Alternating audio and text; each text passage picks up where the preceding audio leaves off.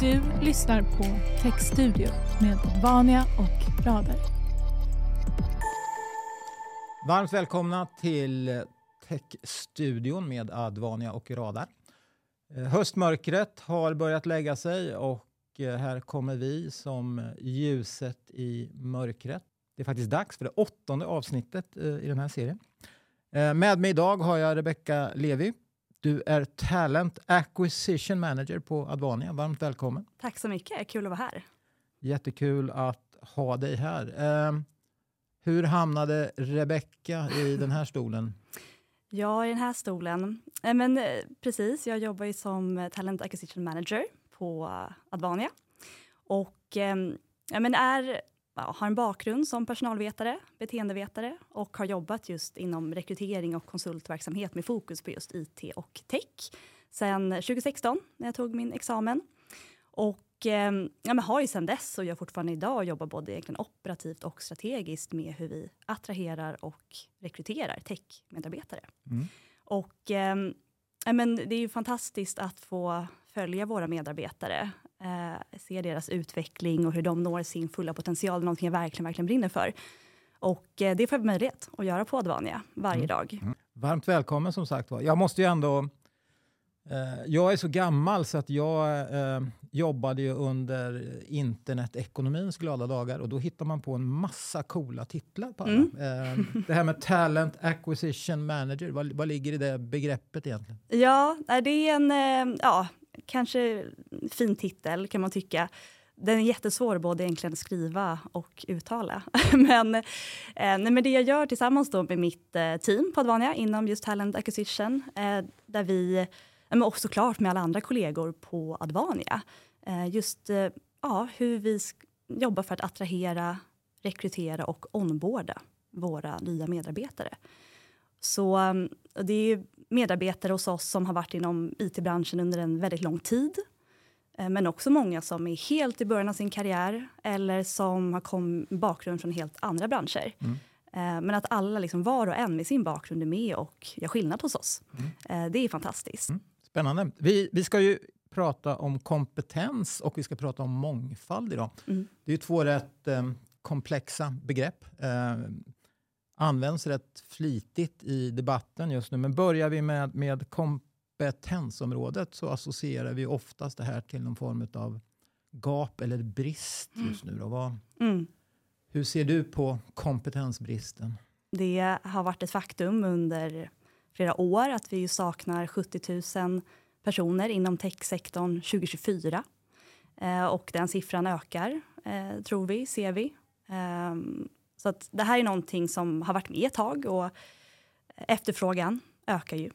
med den digitala omställningen och att IT med digitalisering och automation eh, är en möjliggörare eh, för verksamheter att växa och effektivisera. Så att, verkligen, det finns ju ett enormt gap där. Eh, men det har jag också märkt sen jag började jobba med det här sen, ja, redan 2016. Mm. Eh, så det är ju en stor utmaning.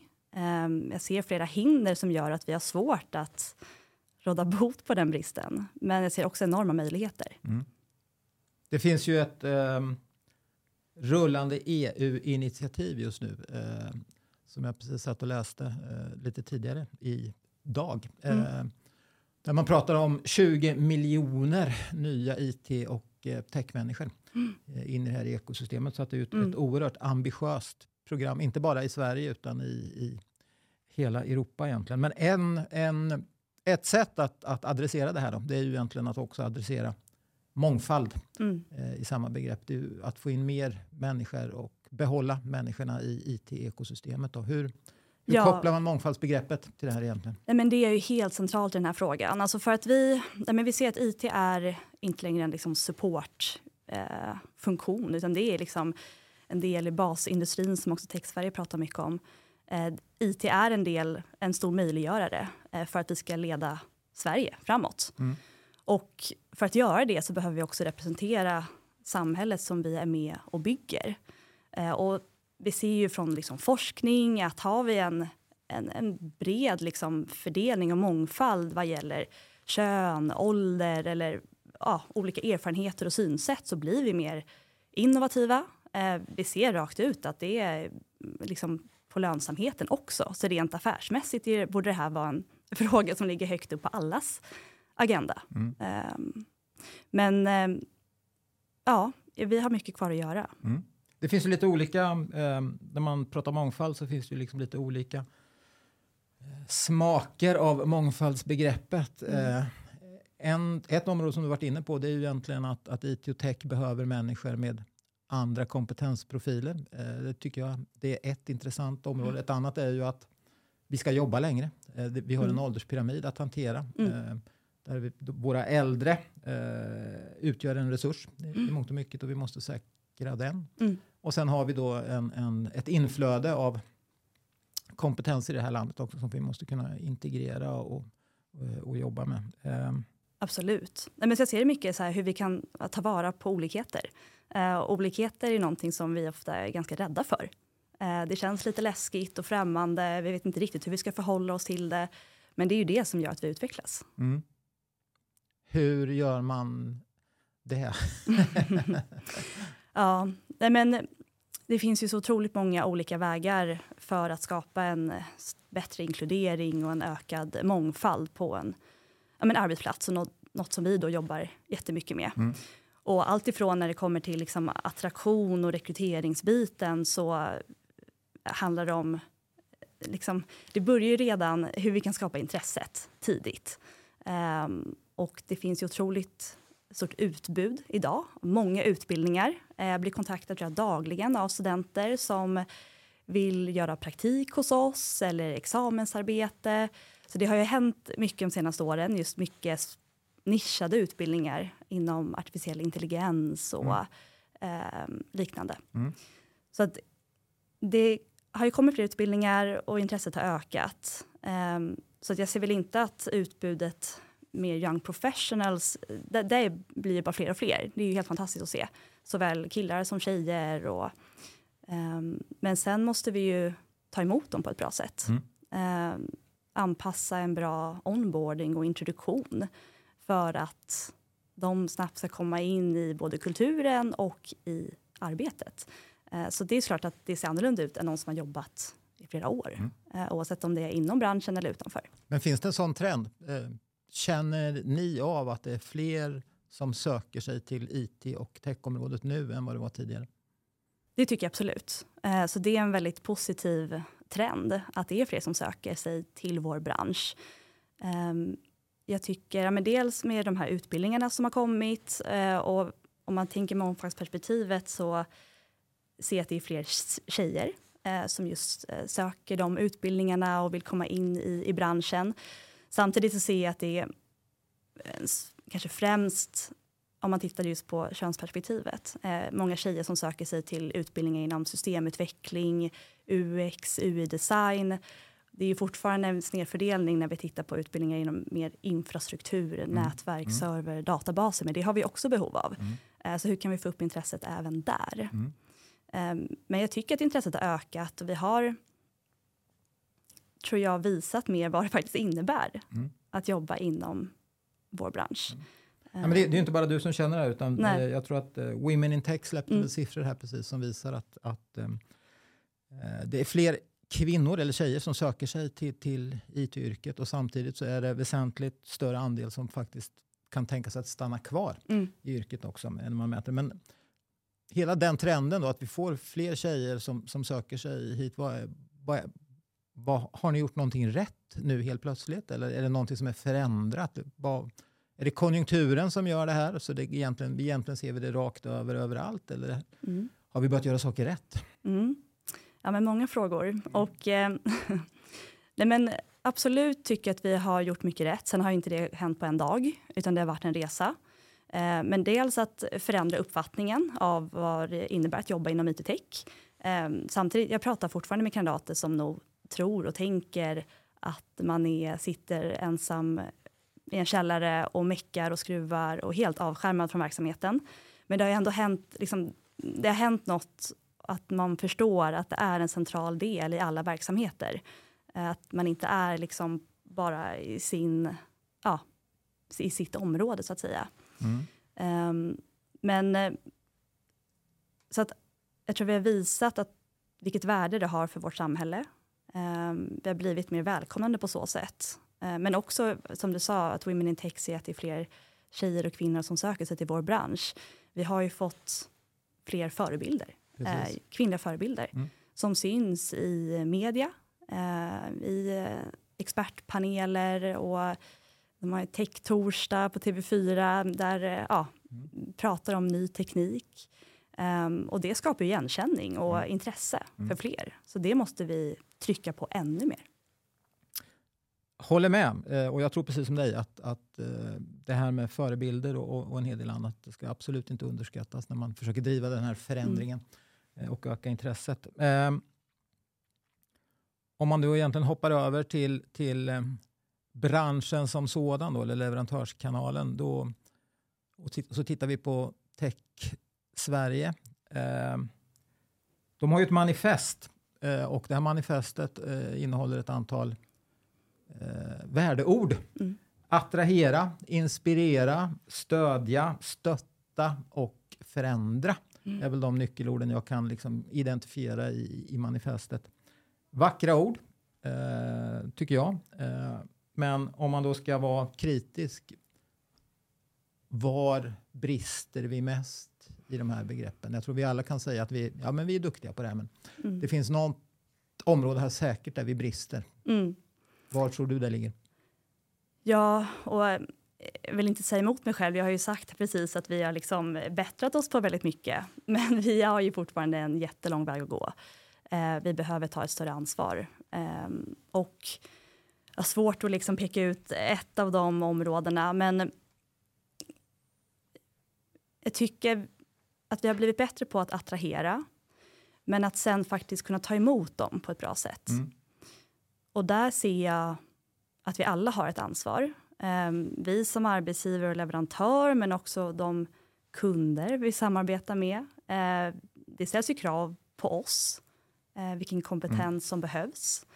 Um, och där måste vi våga utmana. Mm. Um, krävs det verkligen svenska språkkunskaper?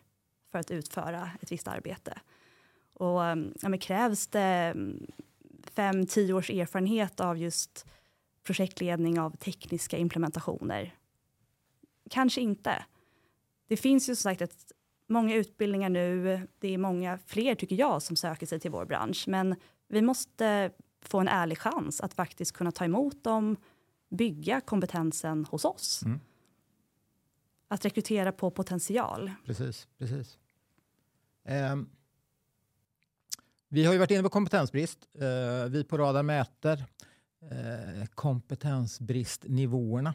Eh, och eh, om vi nu tittar på era slutkunder, då, användarna av IT och teknik där ute, så tycker de ju idag att kompetenssituationen är kanske det som tillhör en av två av de mest begränsade faktorerna runt möjligheten att använda sig av IT och teknik fullt ut. Tydligt är att det är inom specialistområdena på tekniksidan och inom cybersäkerhetsområdet som, som eh, bristen upplevs som störst, eller kompetensbristen upplevs som störst. Eh, känner ni igen er i den bilden som leverantör eh, och eh, gör ni någonting aktivt för att förändra den bilden? Mm. Ja men precis, det är ju som du sa nya teknikområden som artificiell intelligens och eh, cybersäkerhet. Eh, det ser vi absolut, men vi ser också såklart en brist inom andra områden. Så är det ju. Eh, det är den verkligheten vi lever i. Mm. Så men vi försöker ständigt vara modiga. Ehm, att vi har till exempel ett traineeprogram där vi tar in eh, nyutexaminerade eh, och men inom flera olika områden. Det kan vara systemutveckling, säkerhet och liknande som kommer till oss i sin roll, sin specialisering eh, får en väldigt trygg och strukturerad onboarding. Mm. Men också största delen av programmet är liksom praktiskt arbete. Mm. Eh, så det är ett sätt att, ehm, som, ja, en framgång hos oss ehm, med tanke på den bristen då. Men det blir också intressant tycker jag att när vi pratar om att det finns en brist och det här är ju relativt, eller inte helt nya områden, men jag ser många utbildningar bli väldigt nischade nu. Då. Med tanke på att man pratar om att det finns brist inom just de här områdena, då skapas det utbildningar väldigt nischat inom eh, de områdena. Och för oss blir det också svårt ibland att ta in en så nischad... Eh, för oss som jobbar vill ha lite, kanske lite bredare mm, portfölj mm. ibland. Um, jag tror mer, hur kan vi liksom skapa en mer så här, psykologiskt trygghet, lärande för att ta till sig ny teknik oavsett vad det är för ny teknik. Mm. För det kommer ju ständigt nya saker. Mm. Att in, inte bara låsa sig till liksom vad som är hett här och nu, även om vi ser att det kommer ju vara med oss långt fram Precis. med AI. Men mm. det är någonstans människan bakom som gör det möjligt. Mm.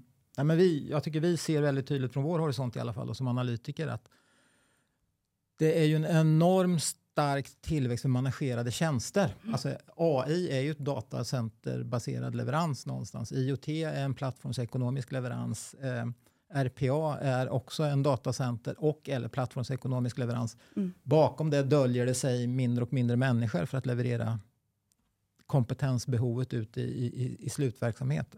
Inom, inom cybersäkerhet så växer ju sockarna till exempel, mm. alltså de managerade säkerhetstjänsterna väldigt snabbt. Mm. Och det är ett sätt att adressera mm. resursproblematiken bakom mm. kompetensproblematiken egentligen. Mm. Mm. Så det, det, upplever vi ju eh, väldigt starkt. Men får jag ställa en taskig fråga? Ja, kör. Okej, okay. tack.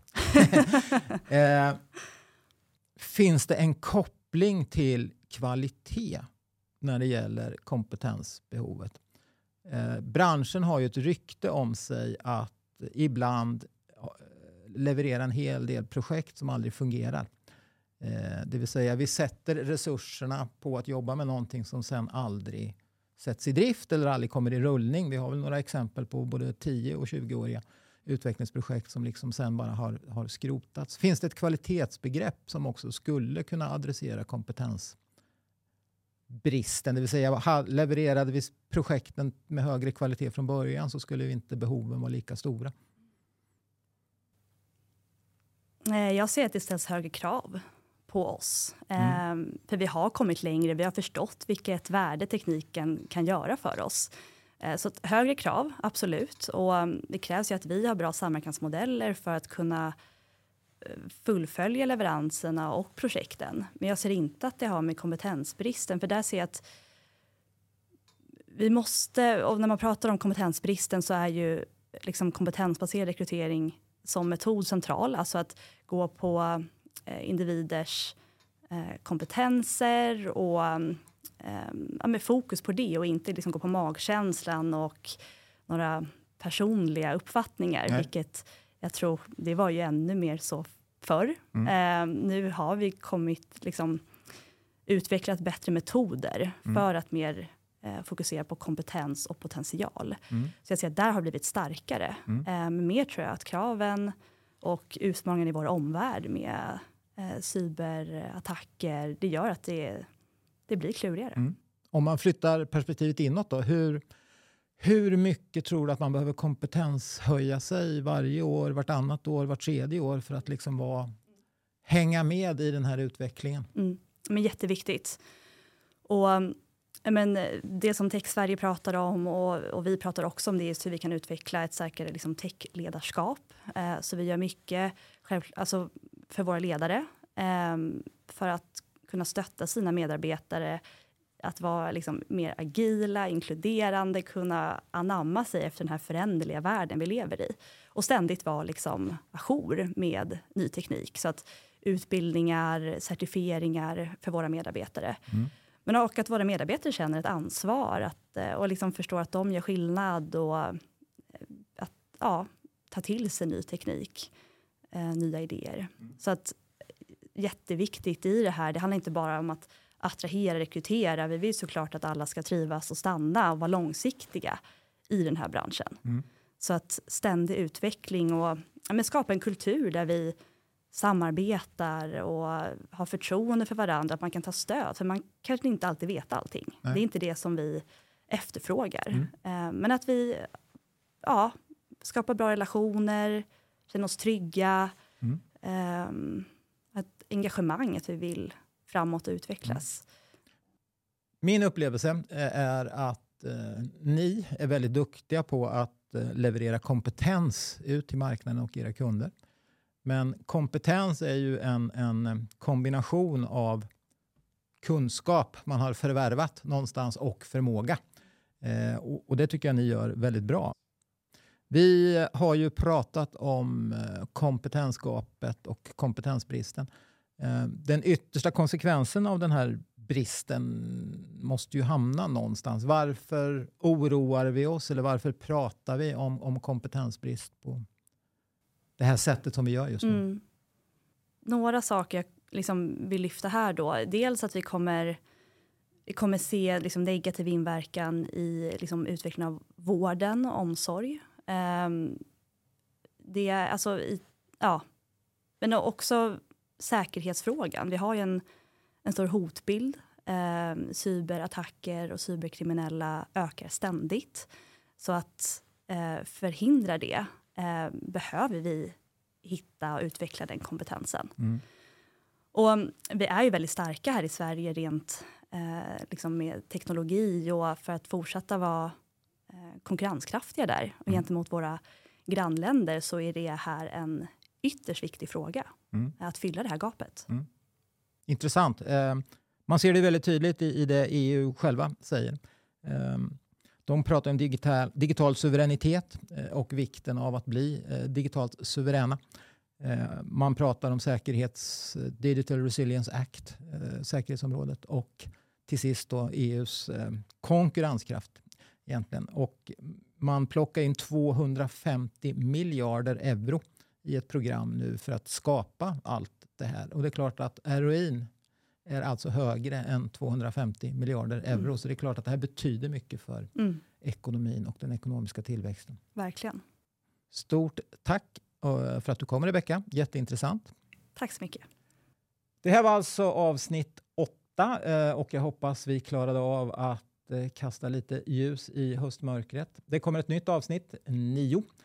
Eh, och där kommer vi prata om cirkulär IT. Och eh, för att spoila lite då så kommer det också diskuteras en kioskvältare till eh, Rapport som vi på Radar har producerat tillsammans med er på Advania. Så att det kommer bli ett eh, spännande textstudio den 25 oktober. Vi hörs eller ses då. Tack ska ni ha. Tack Rebecka. Tack.